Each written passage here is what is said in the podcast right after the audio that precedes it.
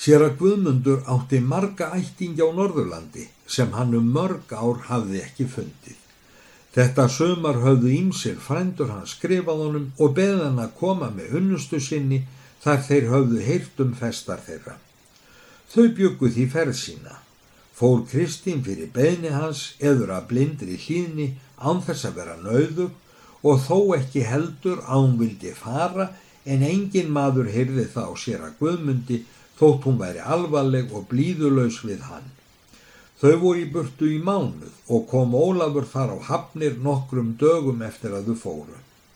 Svo var hann þá orðin umbreyttur að enginn þekktan en öllum fjallu vel viðskiptahættir hans.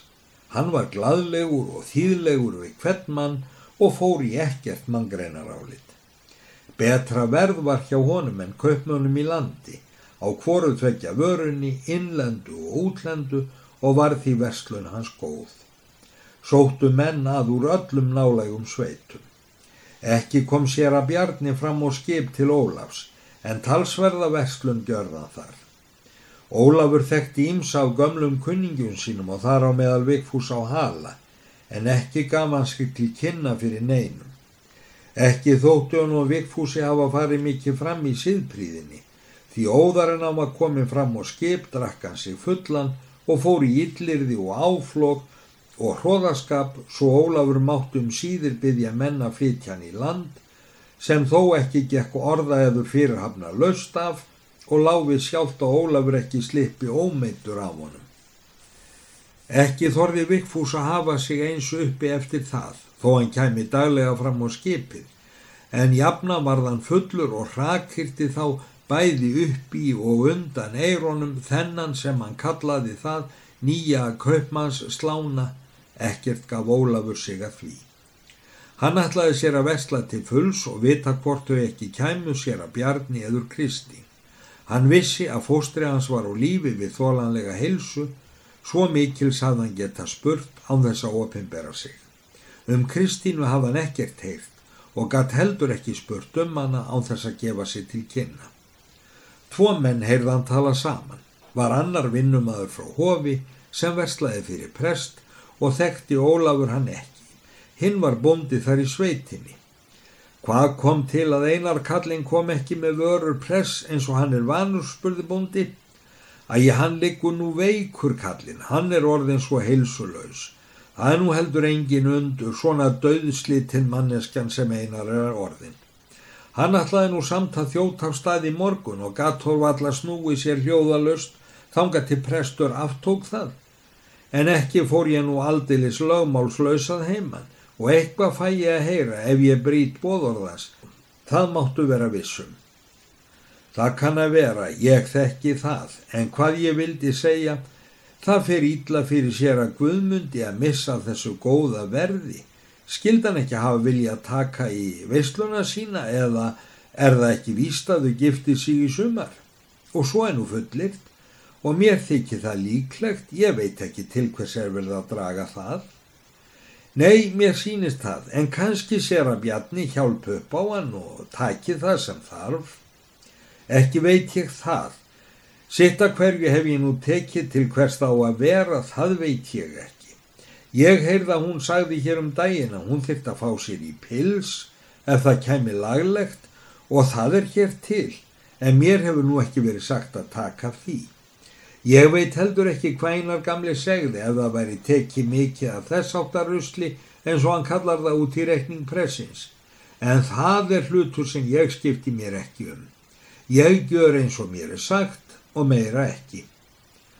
Það er vitanlegt en kannski þau verði komin í tíma þó segist hann ekki verslan um að þrjá dag enn og fara svo strax. Eftir Ólafur hafði heilt þetta samtal fór hann að hugsa um hver þessi brúðhjón mundu vera en kom sér þó ekki að því að spurja um það. Hann ótaðist á honum mundi verða þó þó erfitt ef Kristín var í brúðarefnið að endur finna hana í þeim kringumstæðum. Hann var því allráðin í að fara svo búin í þetta skipti ef ekki beinlínis eitthver tækifæri gæfi honum upplýsingar um hægi hennar og erði hann þá með því móti þess vís að hún annarkort væri gift eður öðrum bundin þá aldrei að koma til Íslands oftar. Nú var komin seinasti dagurinn sem Ólafur ætlaði að versla og komu þá fáir fram til hans og þeir sem komu voru mestanpart ungar stúlkur og vinnukonur sem keftu í lausakaupum eitt og annað smávegis fyrir eitt eða tvö pund af ull eður eitt eða tvö þrjú mörk í skildingum og þær bestu einni ríkistal og gengdi hann þeim jafn gladlega eins og það hefði verið einhver maurapúkin með tvö eður þrjú skipund. Nálagt miðjum degi var Ólafur aftur í liftingu að yfirlíta bækur sínar. Kom þá einna skipferjum og að bátur kæmi af landi með heldra fólk, kallmann og konu. Það er gott, takkið er á móti þeim, ég kem strax upp og þetta voru þau sér að Guðmundur og Kristín.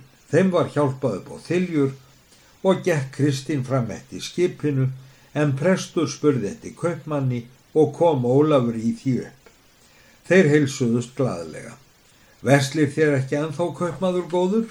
Jú, þennan dag til kvölds og þó það sé ekki nema fyrir einskilding, kaupmenn verða litlu feignir, saði Ólafur og brosti. Kristín heyrða að kaupmað var komin upp og snýri hún þá við og gekk aftur eftir þiljum og ætlaði að heilsónum. Þegar hún kom þar nálagt sem þeir stóðu hikað hún, horði stundarkollan Ólaf, fölnað upp og var næri dottin þegar sér að Guðmundur gætt grepið um hana. Æ, flytt hún mig strax í land, mér er mikið ílt, sagði hún svo látt að prestur naumast heyrði það. Henni var þegar hjálpað hann í bátinn og flutt til lands líkari hálfdauðri en lifandi mannesku og studd upp að hóli. Lagðist hún strax upp í rúm og láð það nokkra daga.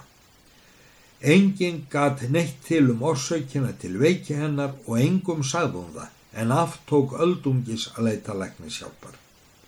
Hún bað sér að Guðmund að gefa sér upp hjúskapalofur sitt, nú hef ég algjörlega mist helsuna og ávist skamt eftir ólifað. Það vildi ég með ánægju gjöra fyrir þína skuld, Kristín, og kemur hér fram hugbóð mitt að það myndi ekki fyrir okkur að liggja að saminast í hjónabandi og er ég þá allráðin í að efna fyrra heit mitt sem ég nærri hafði rofið, ég vil einungi spyðja drottin þess að þú komist til heilsu aftur.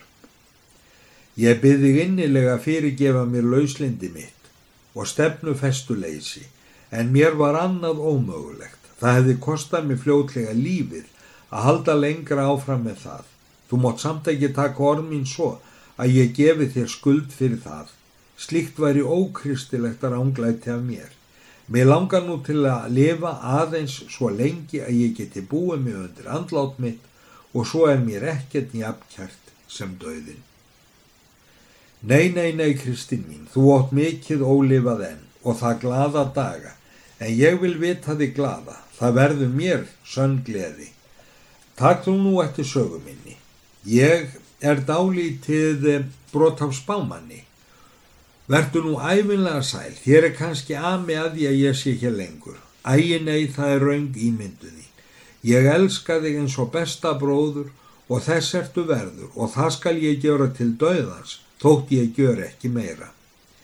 Mér er líka kært að meg að kalla þig sýstur mín og ef þú leifir mér það vil ég reyna að gjöra mig bróðurnapsins verðan. Mikið var talað um atbur þennan og margar getgátur. Þegar Ólafur sá Kristínu, horfi hann á hann um stund, mættust á augu þeirra eins og þau höfðu svo oft gjört áður og var það jafn snemma sem þau þekktu hvort annað. Ólafur var rauður eins og blóð en þegar hann sá að Kristín hér í að guðmundar gekk hann skindilega ofan og var skipið burt af höfninni þegar á fætur var komið. Ólafi gekk ferðin vel heim til Kaupmannahafnar. Þegar Ísland var að hverfa sjónum hans urðu honum þessar hendingar af munni Hveð ég þig kalda land, kolga sem hilur mér samvista brostið band begja á milli er. Kallt loft, þitt kvelur fjör, köld er þín jökul byggð. Köld svona þinna kjör, köld dætra þinna tryggð. Ástinn sem átt ég hér, eld heit þó væri sú, frosinn með öllu er á þínu skauti nú. Frá þér ég fer, minn því, fær þú ei skada bætt, sem dæmdur útlegði enga get fengið sætt.